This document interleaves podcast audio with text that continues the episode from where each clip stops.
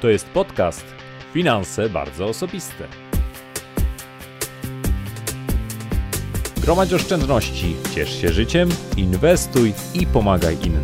Ja się nazywam Marcin Ibuć, a Ty słuchasz właśnie audycji o zdrowym i sensownym podejściu do życia i pieniędzy. Zaczynamy! Cześć, witam Was bardzo serdecznie w 44. odcinku podcastu Finanse bardzo osobiste. Jest piękny, słoneczny, październikowy poranek, za oknem piękne słońce, a ja unoszę się dzisiaj dosłownie kilka centymetrów nad ziemią, bo dwa dni temu, w ubiegłą niedzielę, przebiegłem mój pierwszy w życiu maraton. I to było dla mnie naprawdę takie super przeżycie. Coś niesamowitego. E, opisałem to we wpisie na blogu, na którym znajdziecie też sporo zdjęć z tego maratonu. Słuchajcie, ogromna radość, ogromna satysfakcja, endorfiny cały czas, cały czas buzują. E, mam naprawdę wyśmienity z tego powodu nastrój. A ta radość jest jeszcze większa, że lada dzień skończę drugi maraton w tym roku. Tym razem będzie to po prostu ukończenie pracy nad moim kursem Kredyt hipoteczny krok po kroku. E, no tutaj prace też trwały wiele miesięcy, a jej efekty będą już dla Was dostępne dosłownie za moment. Do 23 października e, moi słuchacze i moi czytelnicy mogą zapisać się na taką specjalną listę osób zainteresowanych kursem. Ci, którzy tego dokonają, otrzymają możliwość skorzystania z kursu na najlepszych warunkach, na warunkach, których już nigdy e, nie będzie. Dlatego zdecydowanie polecam, wykorzystajcie ten czas, jeżeli oczywiście temat kredytu hipotecznego Was dotyczy. Jednym słowem, u mnie robota idzie pełną parą, ale co tu dużo kryć, ta moja działalność to jest raptem takie raczkowanie w porównaniu z tym, czego dokonał mój dzisiejszy rozmówca. Zaczynał w korporacji. Tak typowo, jak, jak pewnie wielu z nas. Potem był z kolei takim drobnym solo przedsiębiorcą. Później prowadził małą działalność ze swoim wspólnikiem i ta działalność tak krok po kroku się rozrastała i zmieniała, aż dzisiaj, kiedy ma 38 lat, zatrudnia 200 osób, a jego firma generuje przychody na poziomie 24 milionów złotych rocznie. Moim gościem jest dzisiaj Piotr Bucki, współzałożyciel i wiceprezes firmy JLabs, który przeszedł całą długą drogę od pomysłu przez taki etap samodzielnej pracy na własny rachunek, aż do momentu, w którym właśnie ma tę sporą firmę i, i pracuje na tym, jak przekształcić ją w jeszcze większą i jeszcze sprawniej działającą korporację. I myślę, że właśnie rozmowy z takimi osobami i posłuchanie ich podpowiedzi z osobami, którym taka sztuka się udała, to jest po prostu niesamowite źródło wiedzy. Od czego zaczynał? Ile czasu zajęła mu realizacja marzenia własnej firmie? Co było najtrudniejsze? Jak wyglądała jego droga? Jakie popełnił błędy? No i wreszcie również rozmawiamy o tym, jakich rad może udzielić nam i tym osobom, które również gdzieś tam z tyłu głowy myślą o swoim własnym biznesie. Na końcu podcastu znajdziecie, znajdziecie też całą listę różnego rodzaju lektur, źródeł i takich inspiracji, które wymienił Piotr, także zdecydowanie, zdecydowanie polecam Wam naszą rozmowę i serdecznie zapraszam do jej wysłuchania.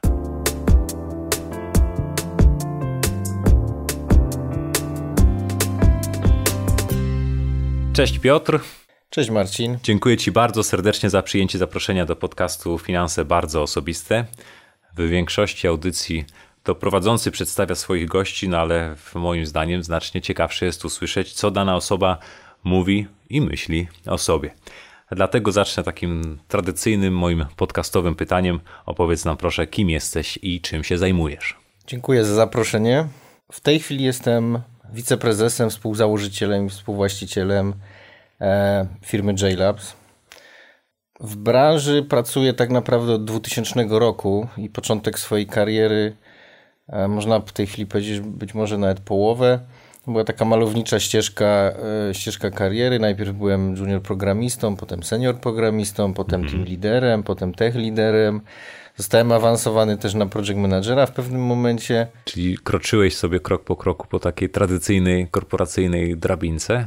Dokładnie tak. Zresztą wtedy, wtedy to było uznawane za taką najbardziej klasyczną i taką najbardziej pożądaną ścieżkę, e, ścieżkę kariery jakoś tak zostałem tym PM-em przed trzydziestką i potem, potem się jakby wszystko pozmieniało. Może nie, e, nie że zawaliło, ale pozmieniało, tak? No chyba nie zawaliło, sądząc po tym, gdzie znajdujesz się dzisiaj. Słuchaj, bo ty powiedziałeś, w 2000 roku wystartowałeś, a jesteś ciągle bardzo młodym człowiekiem, nie? Masz raptem, dobrze, jeśli dobrze policzyłem i pamiętam z naszych rozmów, 38 lat, tak? Tak jest. E, no to kiedy tak naprawdę wpadłeś na pomysł, żeby odpuścić sobie korporację i stworzyć własną firmę? To, to nie było tak, że był jakiś taki konkretny moment. Tak? Ja zawsze poszukiwałem sytuacji takiej, w której będę jakby w cudzysłowie dobrym towarem na, na rynku pracy. Tak? I jak, jak to już osiągnąłem, to doszedłem do wniosku, że jakby na, na, na rynku pracy w pewnym sensie jest szklany, e, szklany sufit w zakresie na przykład finansów czy czasu pracy, mhm. jaki, jaki się e, e, poświęca no tak, jest jakiś pewien poziom wynagrodzeń, którego po prostu no, nie przeskoczy się. Wokół mnóstwo innych konkurentów, którzy chętnie przyjmą te same, te same, tę samą pracę na e, innych warunkach finansowych, tak? Jeśli chcesz wyceniać się bardziej, no to nie da rady w korporacji. Dokładnie tak. Także, także to tak naprawdę gdzieś, gdzieś przyszło w trakcie, nie, nie ma takiego jakiegoś punktu i to, to, to był jako nie cel sam w sobie, ale jakby taki jakby sposób na realizację pewnych, pewnych pragnień. Czyli nie myślałeś e, o tym jakoś tak od początku, bo ja pamiętam, że jak ja zaczynałem pracę w korporacji, to ja sobie powiedziałem 10 e, lat w korporacji i potem idę na swoje.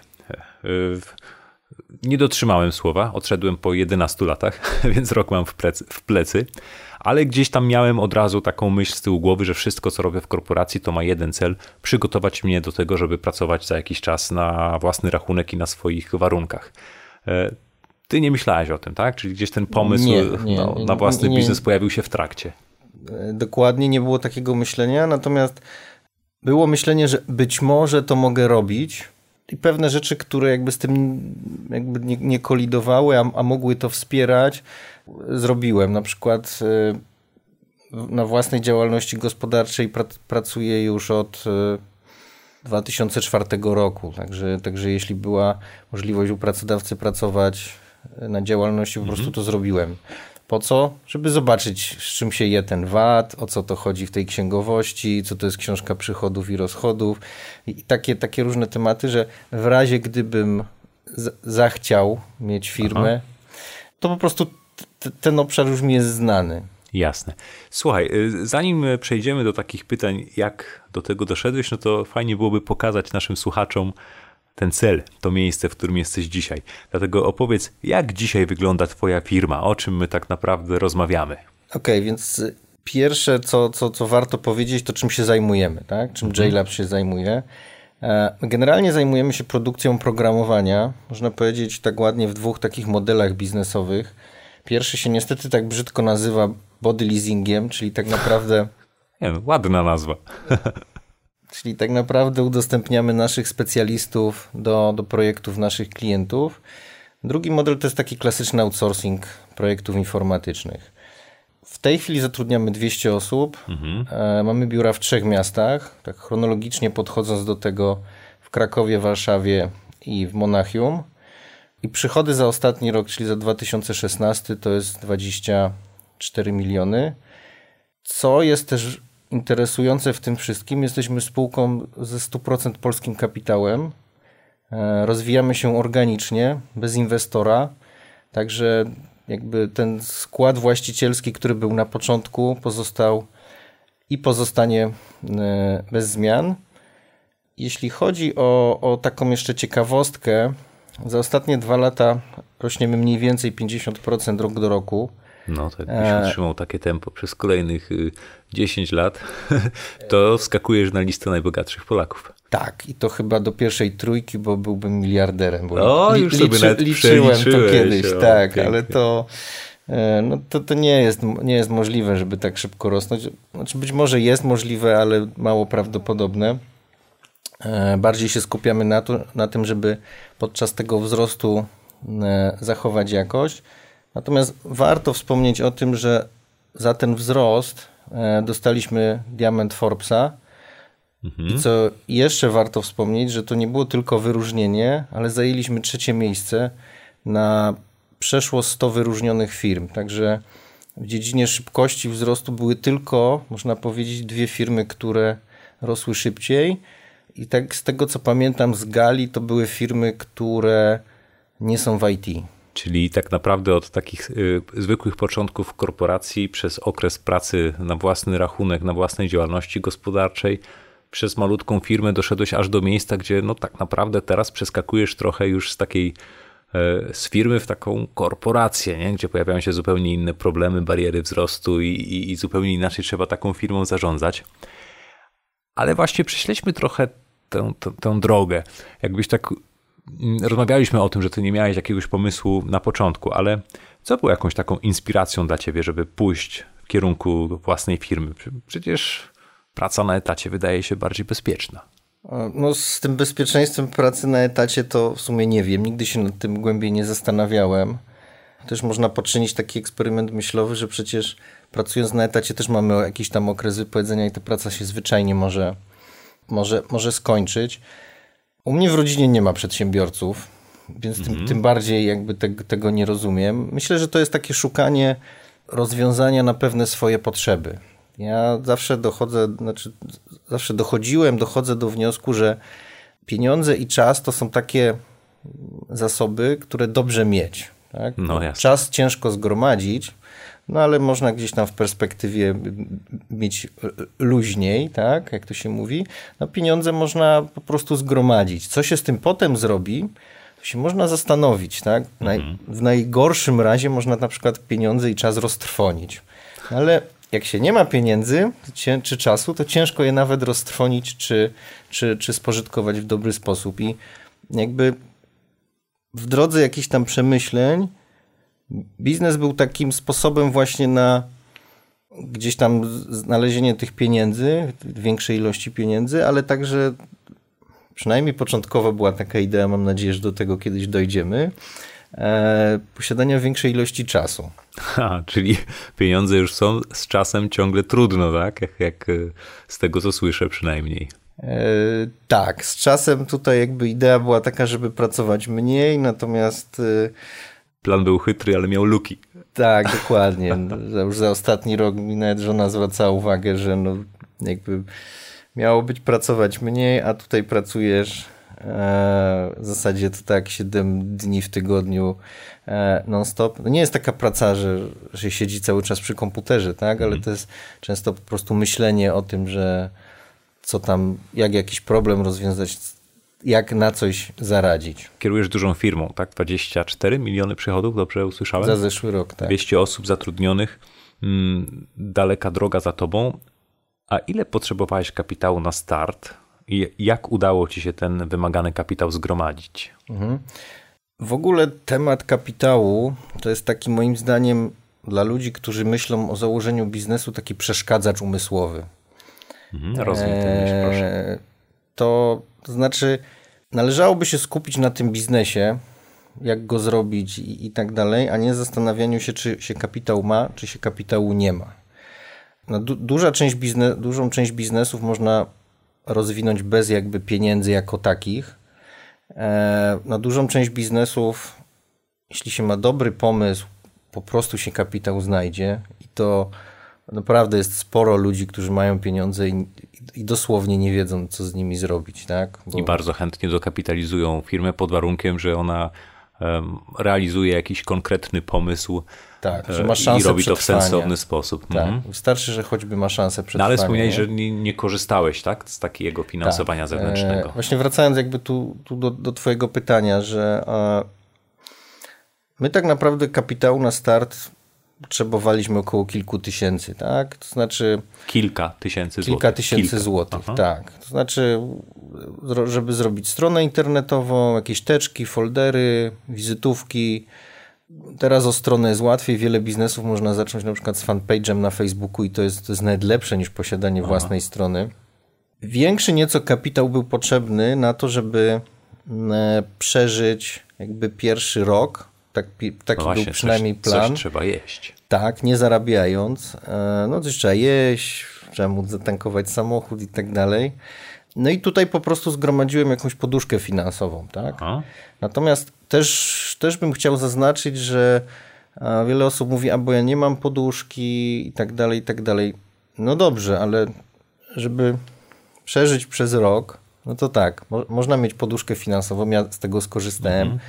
No ale mogą nas utrzymywać rodzice, żona, mąż i tak dalej, i tak dalej, tak? No bo przecież jeśli jesteśmy na przykład w związku małżeńskim i mąż chce rozwinąć jakąś działalność e, i ona ma ręce i nogi, no to można jakby przez ten rok żyć trochę skromniej.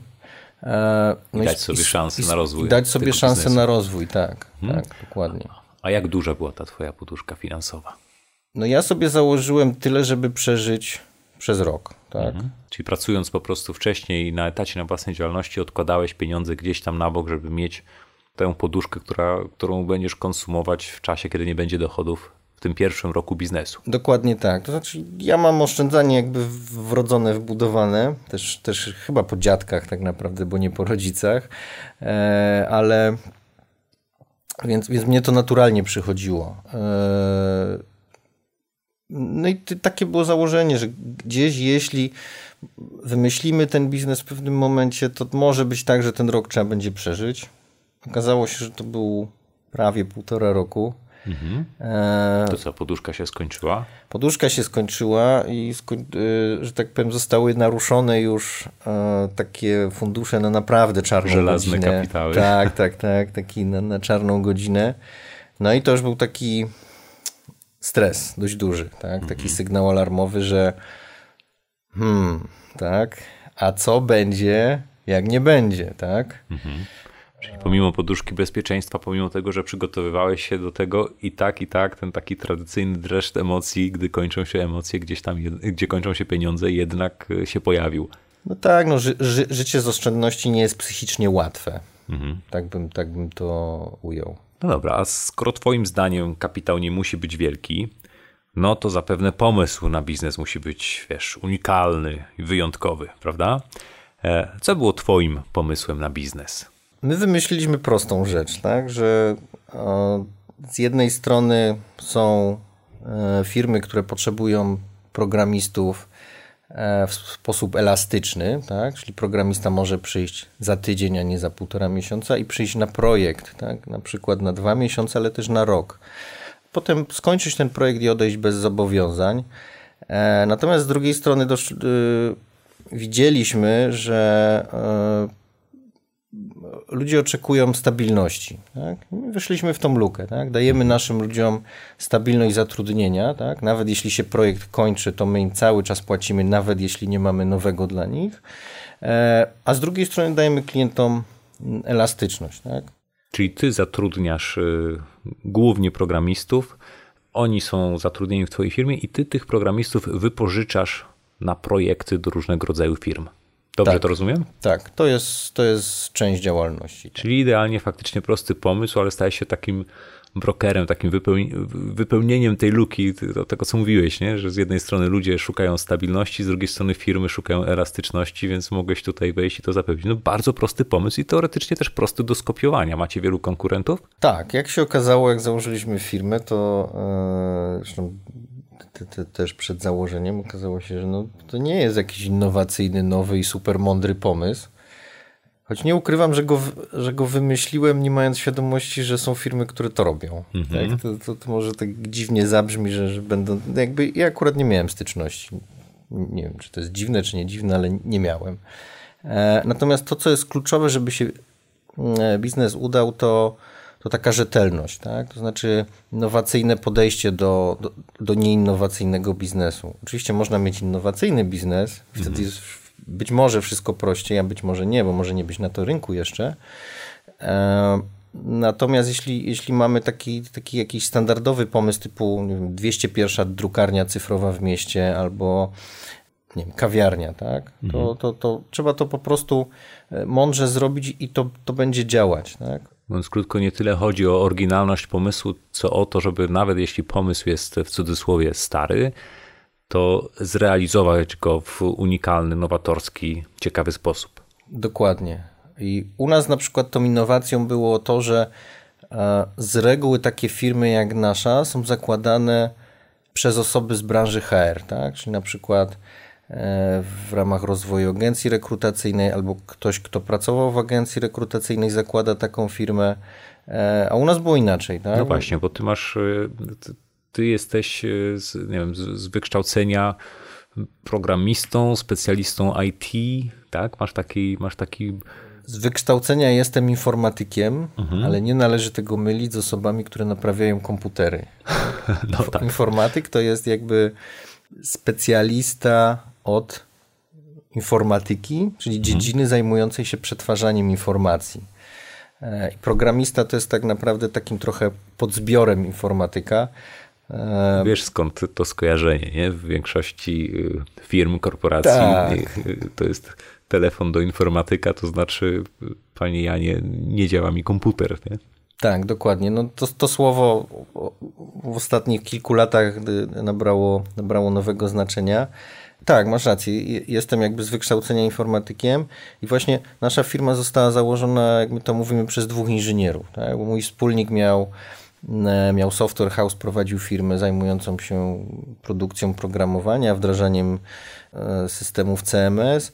Ja z kolei produkowałem po prostu oprogramowanie, jak to się mówi, klepałem mhm. kod i, i założyliśmy firmę, która teoretycznie powinna być założona y, przez ludzi z HR-u. Tak? A tu przyszli dwa inżynierowie i założyli taką firmę, więc dla nas aspekty technologiczne, które są ważne albo bardzo ważne w rozmowie z, z e, informatykami, z inżynierami, są bardzo naturalne. Tak? Myśmy dopiero musieli się tego obszaru e, związanego z rekrutacją, z HR-em, dopiero tego się musieliśmy nauczyć. Piotrze, a na ile w procesie budowania własnej firmy ważni są ludzie, których zatrudniasz?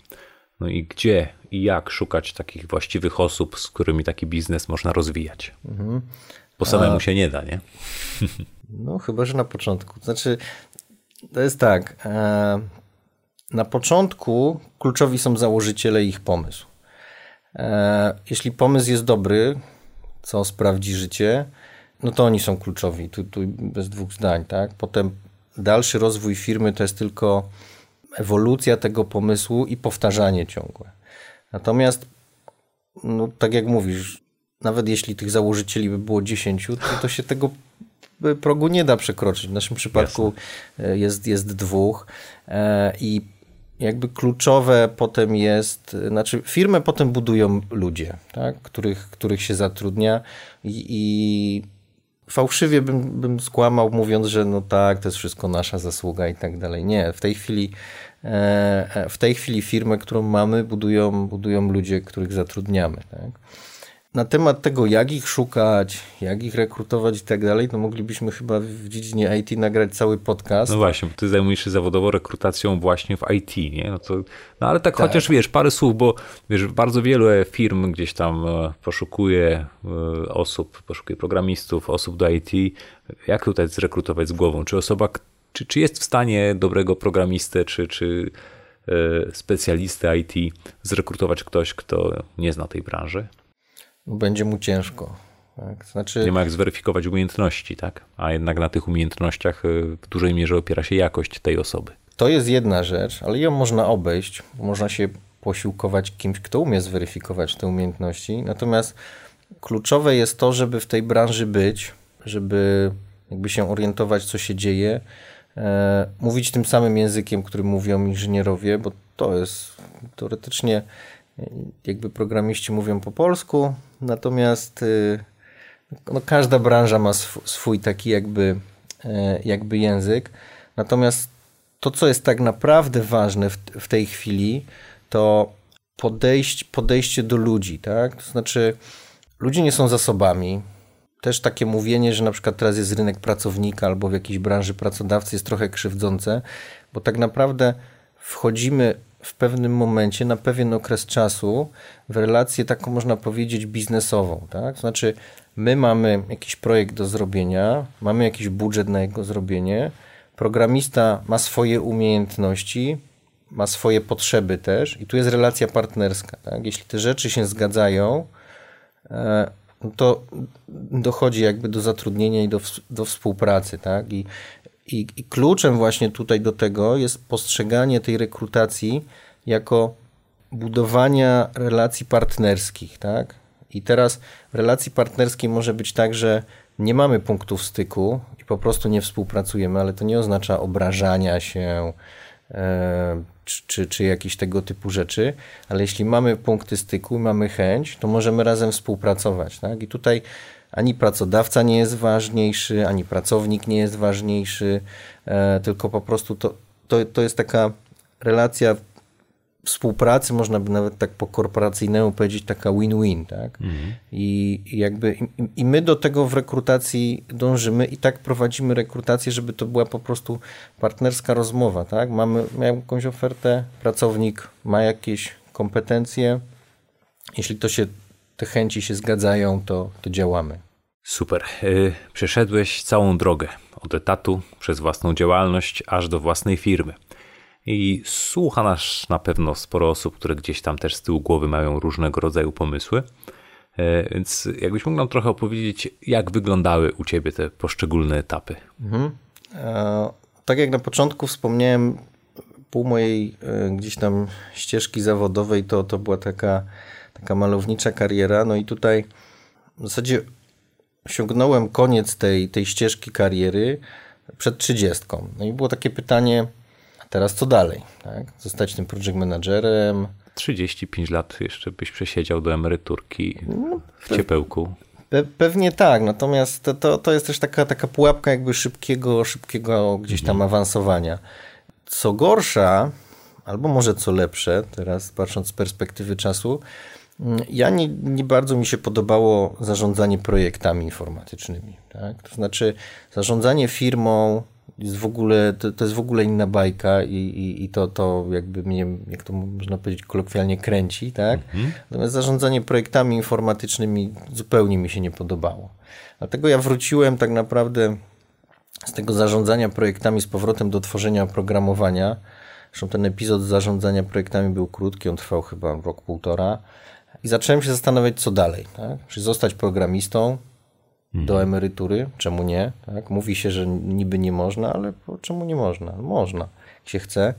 Czy może jakąś własną firmę rozkręcić? Jeśli, jeśli jakąś firmę rozkręcić, to jaką? Z kim? Co miałaby robić? I tak dalej.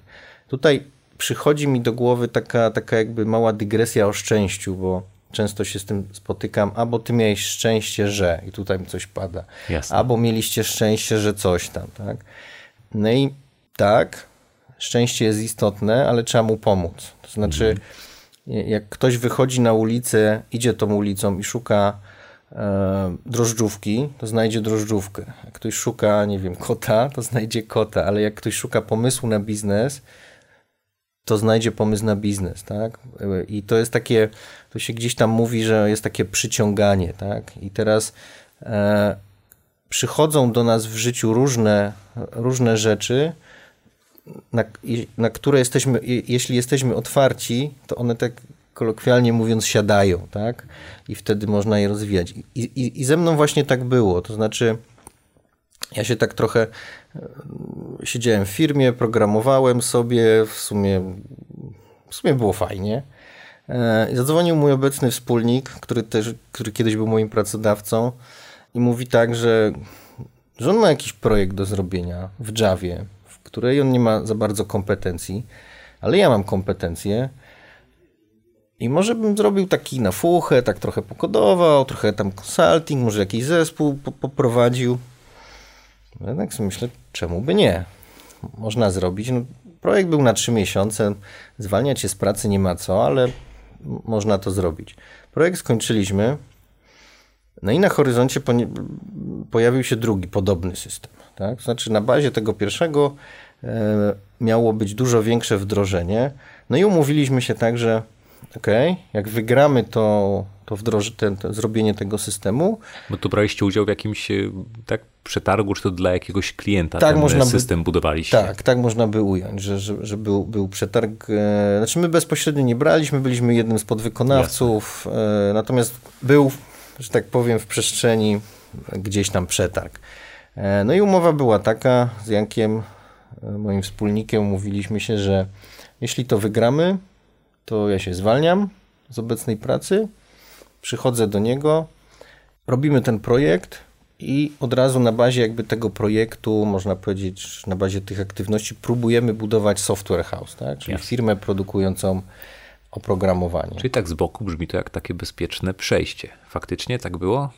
E, znaczy, to, to dla osób, które mają problem z decyzją, to jest bardzo, bardzo fajny mechanizm. To znaczy, jeśli coś, to coś. Jeśli mhm. się jeszcze w ogóle komuś da słowo, a na przykład tak jak ja, e, no ja jak dam słowo, to dotrzymuję. Tak? Jak nie mogę dotrzymać albo mam wątpliwość, to nie daję słowa po prostu. Mhm. Jak obiecam, to robię.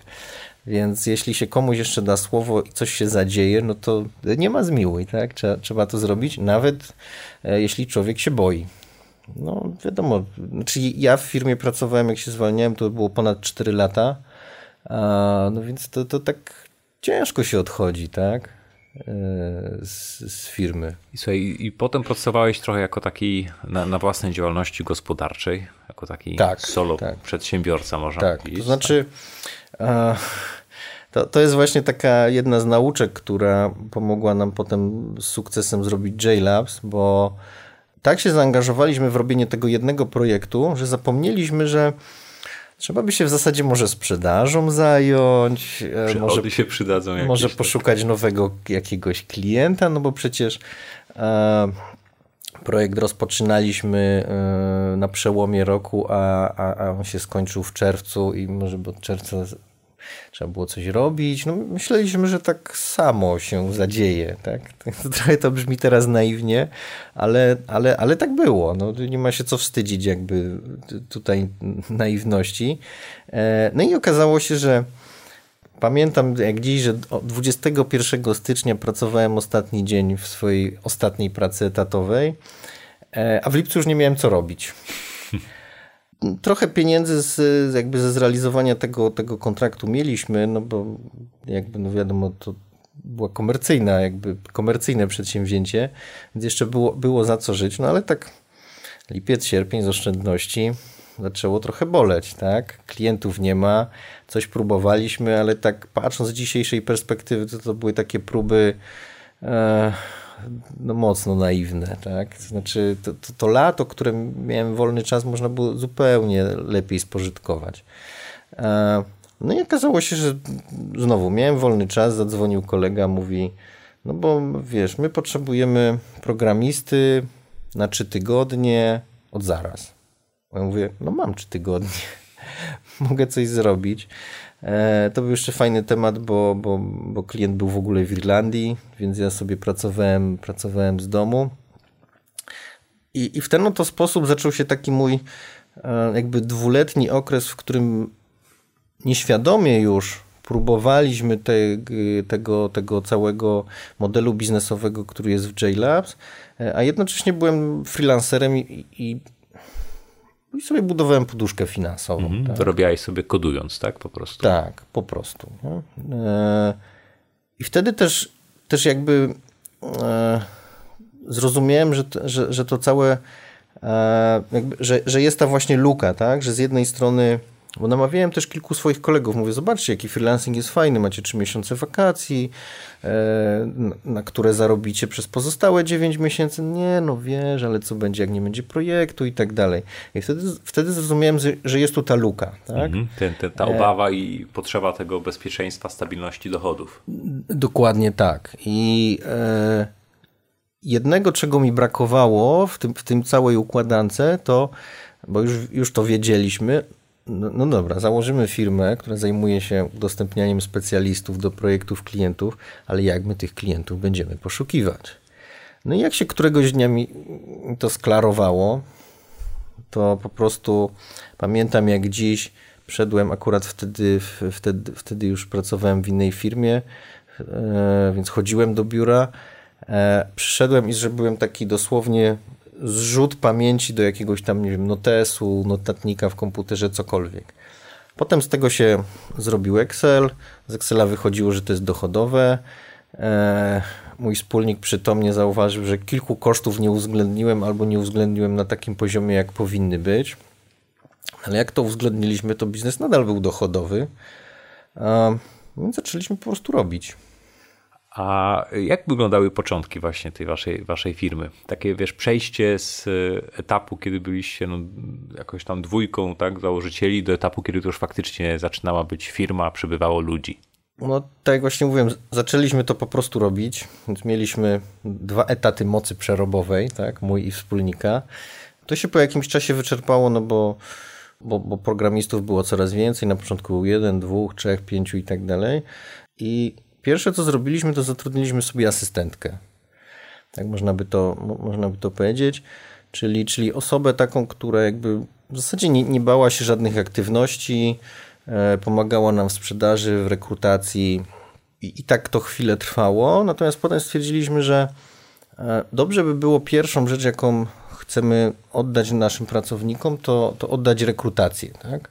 Nigdy w tym nie, nie byliśmy specjalistami, a też to wymaga takiej jakby no, dużej ilości pracy. E, no więc zatrudniliśmy wtedy Kasię, która obecnie jest naszym HR menadżerem. E, a wtedy była junior rekruterką, tak? To, to też taka e, ciekawa, ciekawa Miała historia. dobry timing, jeśli chodzi o dołączenie do firmy. Tak, tak. To znaczy ja części osób, części, do części osób mówiłem, że jakby jeśli się rozwiniemy, no to to, to, to, to wy jesteście tym, tym kapitałem, który, który będzie awansował w pierwszej kolejności. No nie, nie wiem do jakiej roli, bo, bo jesteśmy jeszcze firmą mało, małą i nie wiem jakie te ścieżki karier będą, no ale tak na zdrowy rozum to się tak musi, e, musi wydarzyć.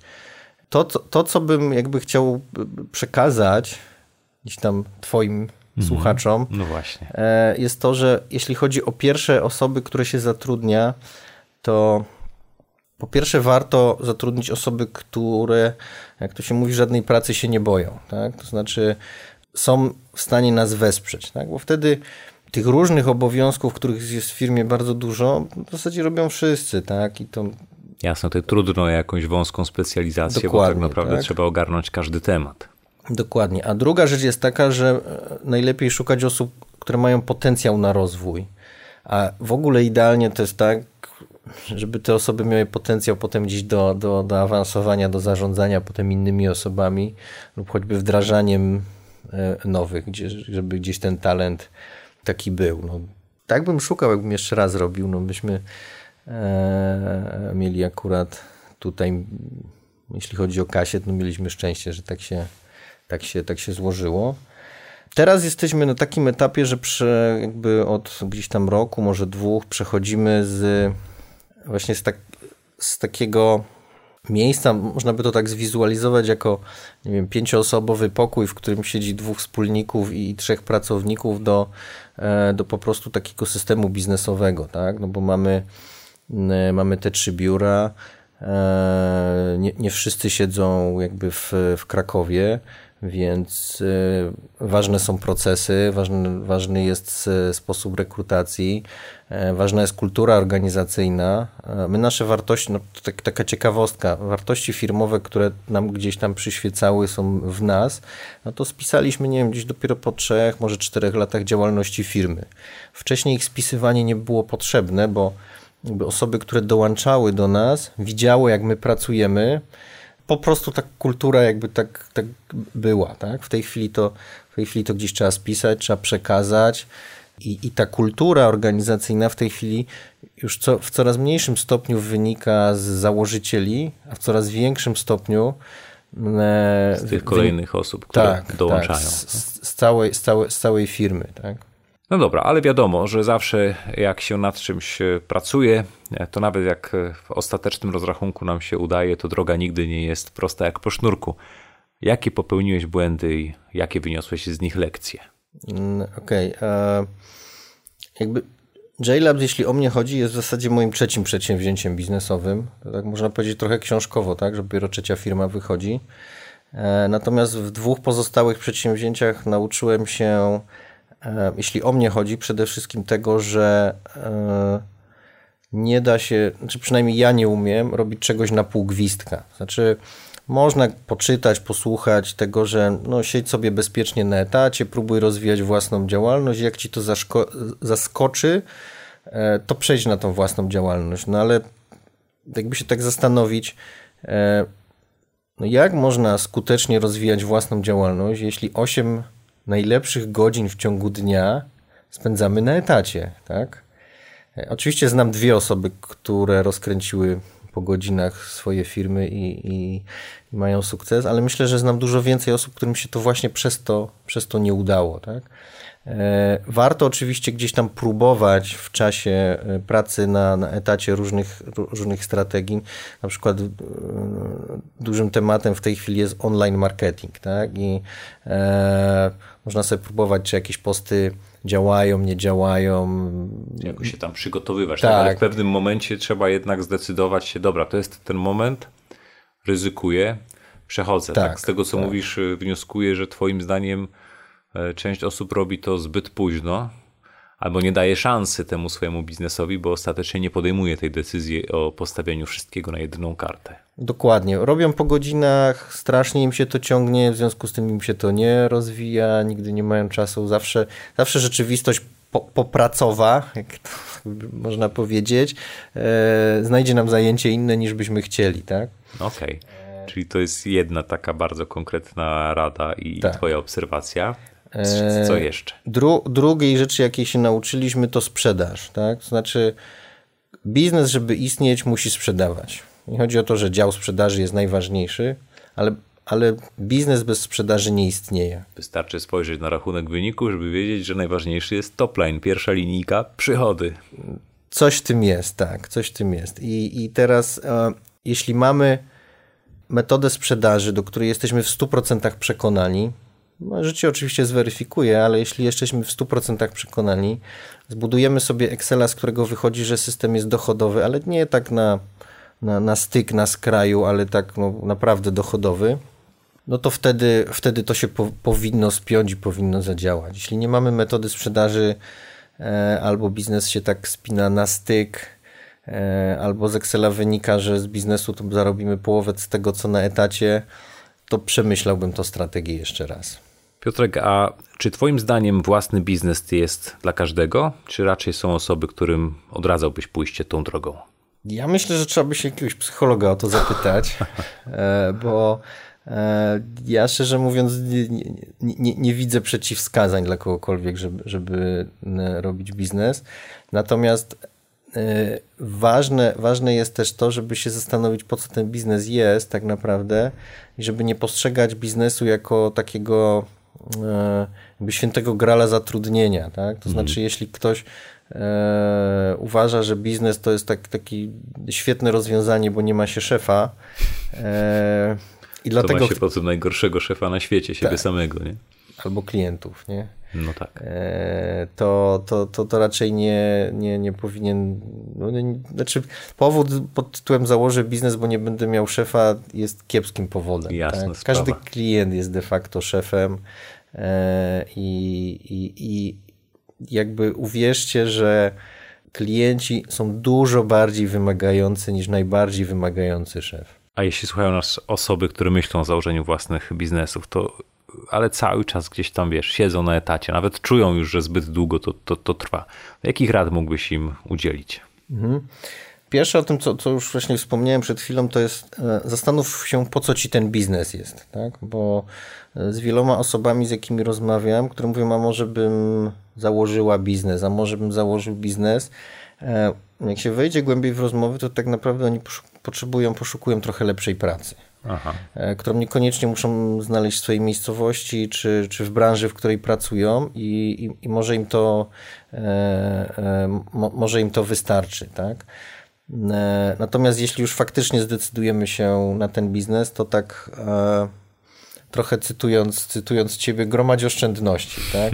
Bo niezależnie czy, czy trzeba będzie E, jakby fizycznie użyć tego kapitału do zainwestowania w jakieś, nie wiem jak tu się mówi, środki trwałe ładnie, e, czy, czy, czy po prostu wydać pieniądze na start tego biznesu, czy przeżyć pierwszy rok bez y, pensji, to pieniądze się przydadzą. Tak? I tu e, nawet jeśli się okaże, że gromadzimy te oszczędności, po jakimś czasie stwierdzimy, nie, jednak tego biznesu nie chcemy, to coś z tym pieniędzmi zawsze można zrobić. No, nigdy nie zaszkodzą, zawsze nasza sytuacja z pieniędzmi jest lepsza niż bez. Dokładnie. Dru druga rzecz jest taka związana z edukacją i ja bym to powiedział, że to jest słuchaj, czytaj, rozmawiaj, poddawaj wątpliwość, pytaj, inspiruj się. I to tak e, na, na okrągło, tak? To znaczy e, trzeba wiedzę poszerzać w odpowiednim kierunku, czyli w takim kierunku biznesowym, mocno krytycznie. E, nie można obserwować jakichś biznesów na zasadzie takiej, o jak to tak łatwo zrobić, świetnie, to się zaraz uda i tak dalej. Myśl o tym, jak ten biznes będzie sprzedawał. Tak? Jak w nim będziesz sprzedawać, czy on może się sam będzie sprzedawał, bo, bo będzie na przykład nie wiem, kawiarnia w dobrym miejscu, czy może trzeba mm, e, umieć dotrzeć do, do klientów, bo twoi klienci są na przykład korporacjami i nie jest to takie proste. E, dobrze jest otoczyć się ludźmi, którzy ci w tym pomogą, ale nie w sensie takim, że ktoś o, nie wiem, da pieniądze, czy, czy, czy coś za ciebie załatwi, czy coś takiego, którzy w zasadzie będą cię wspierać, tak? Że dasz radę, że jak nie wiesz, to, to ktoś ci coś może poradzić. Jeśli nie masz takich ludzi w, w otoczeniu, e, to zawsze się można wybrać na jakieś spotkanie takich przedsiębiorców, e, na jakieś szkolenie, można wejść do internetu, zobaczyć, co tam się dzieje, tak? Tak naprawdę na przykład nasz wall na Facebooku zależy tylko od nas, tak? Możemy tam mieć śmieszne kotki, pieski i demotywatory, e, a możemy tam mieć treści, które nas gdzieś tam roz, e, rozwijają. Jak już to wszystko zrobimy, to na koniec jakby e, nie zapominajmy o działaniu. Tak? To znaczy, no najlepszy plan niewdrożony w życie e, jest wart nic. Tak? Kiedyś trzeba przestać planować i zacząć naprawdę ten plan realizować. Nie? Dokładnie. Najlepiej jak to się robi tak w taki sposób iteracyjny, czyli trochę zaplanujemy, trochę zrobimy, trochę zaplanujemy, trochę zrobimy. I ważne też w tym wszystkim jest e, to, żeby mieć już też o tym mówiłem, mieć tego Excela, który, jak to się mówi, spina się, tak? I, i, i, i to, jeśli budujemy sobie takiego Excela, to nie budujmy go w sposób optymistyczny, e, bo doświadczenie pokazuje, że wariant pesymistyczny to jest ten wariant prze, przeciętny, tak, mhm. tak.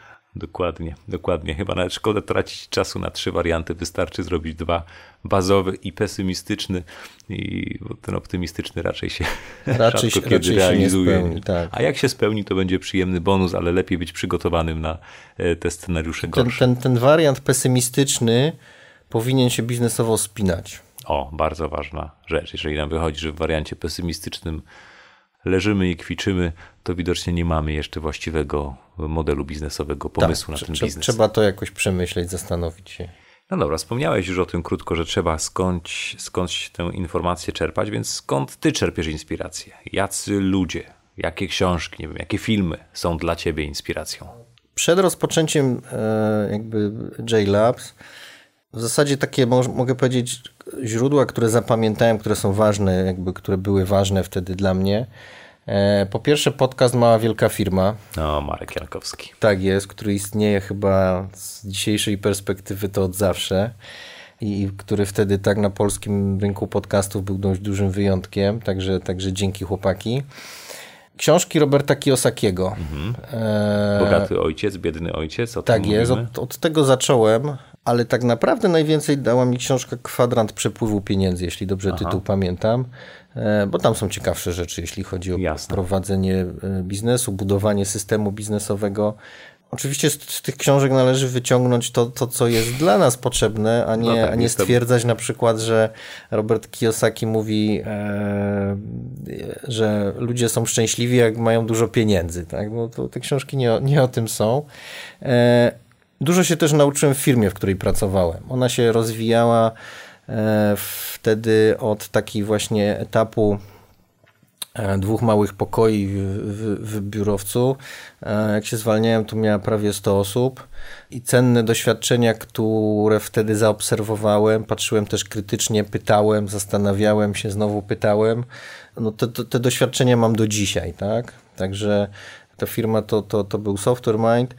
E, I wszyscy się teraz ze mnie śmieją w firmie, bo jak roz, rozważamy jakieś problemy, to co drugi, co drugi raz jest zawsze albo w Software Mind to. A, no właśnie. Czyli no, to ja to też czasami powtarzam, że czasami najlepszym przyjacielem twojego biznesu może być twój własny etat, który gdzieś tam wcześniej owocował różnymi doświadczeniami. Dokładnie. E, I wydaje mi się, że osoby, które gdzieś tam pracowały, czy, czy w dojrzałych firmach, tak, tak jak ja, czy, czy w korporacjach, mają duży bagaż doświadczeń, który potem mogą wykorzystać. E, to, co jest ważne też, jeśli chodzi o, o inspirację i książki na przykład, to to, że nie ma uniwersalnej książki, bo nie wiem, czy dziś dla mnie by był dobry Robert Kiyosaki, tak? Może by był, może by nie był, nie wiem, musiałbym przeczytać jeszcze raz. Na każdym etapie jest to prawdopodobnie coś innego, nie? Do, dokładnie. Jeśli książka, e, tak kolokwialnie mówiąc, nie siada w danym momencie,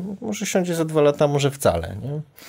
Ostatnio, tak można powiedzieć za ostatni rok, to czym się inspiruje, bo to też jakby pokazuje e, gdzieś tam ro, rozwój, czy, czy mój, czy biznesu. To jest, tu, tu nie będę oryginalny, to jest biografia Jobsa. E, wyszły dwie, dwie przeczytałem i jeszcze dołożyłem do tego biografię Johnego Ive'a, żeby to z drugiej strony zobaczyć. To jest bardzo, bardzo ciekawe i takie, takie wielo, e, wielowymiarowe, można by powiedzieć. Oczywiście jest to pewna laurka dla firmy Apple, no ale darujmy sobie to, wyciągnijmy co, co nam potrzeba.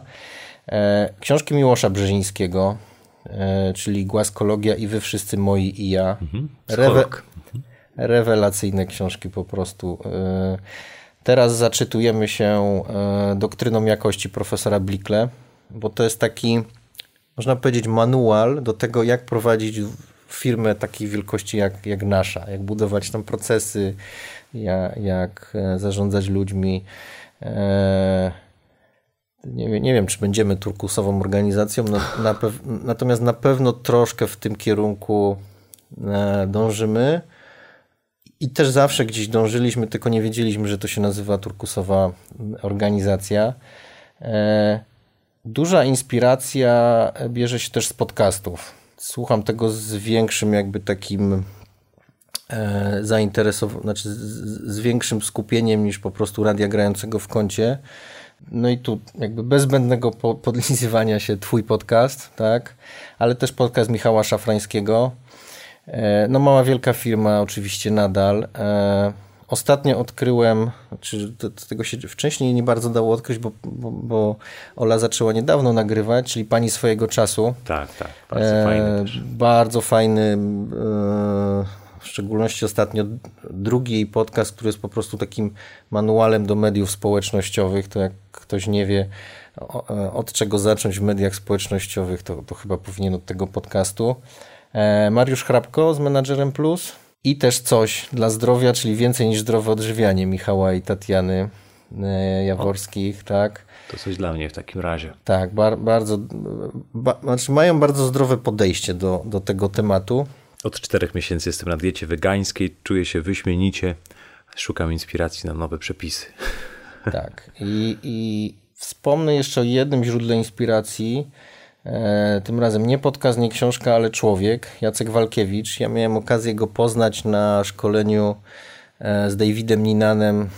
Myślę, że to jest tak 10 lat temu plus minus dwa. Bardzo fajny człowiek. Był e... również gościem jednego z odcinków mojego podcastu. Tak i słuchałem. To, to jakby znaczy, do, do, Życiowa mądrość w pigułce. Do, do, tego, co on mówi, można wracać regularnie, tak? słynny, o, słynny, e, słynne wystąpienie Steda na, na YouTubie. Ja oglądam, można powiedzieć, regularnie co pół roku. I za każdym razem odkrywam coś tam się coś jeszcze nowego, wyciągnie, tak? to prawda. Na przykład ta historia z tym kamperem, można powiedzieć, że jest taka śmieszna, wesoła, dowcipna. Natomiast tam jest tyle wymiarów, e, tyle mądrości, E, na temat doświadczania życia, na temat y, ludzi, którzy, którzy nas otaczają. Tak? No i to myślę, że to, to są takie źródła inspiracji. Bardzo, bardzo fajna lista. E, podlinkujemy wszystkie te źródła, bo są rzeczywiście bardzo cenne. No to już na zakończenie. Tak gdybyś miał nas zostawić z jakąś taką, wiesz, jedną kluczową myślą do zapamiętania e, tej naszej rozmowy, mhm. co by to było? jest wiele jakby takich powiedzeń, czy, czy, czy przysłów, czy mądrości ludowych. Natomiast szczerze mówiąc, na potrzeby tego, tego naszego nagrania wymyśliłem takie dwu, dwuwy, dwu, dwuwyrazową myśl, która znowu jest taka, można ją na wiele wymiarów rozłożyć, natomiast e, już nie będę tego robił osobiście, pozostawię to Twoim słuchaczom. E, działaj mądrze. Hmm, działaj mądrze. Super. Piotrze, e, bardzo Ci dziękuję za, za super rozmowę, za to, że przyjąłeś zaproszenie do tego odcinka podcastu. Trzymam kciuki i życzę Ci, żebyś jednak rozwijał tę firmę w tym tempie 50% rocznie i e, dołączył do tej listy najbogatszych Polaków. I już teraz, już teraz blokuję sobie termin u Ciebie na kolejny odcinek podcastu, gdy powiemy o tym, jak to przeszedłeś od tego odcinka do etapu, kiedy wskoczyłeś na listę 100 najbogatszych. E, moim gościem był Piotr Budzki, współzałożyciel i wiceprezes firmy JLabs. Dzięki serdeczne. Dziękuję.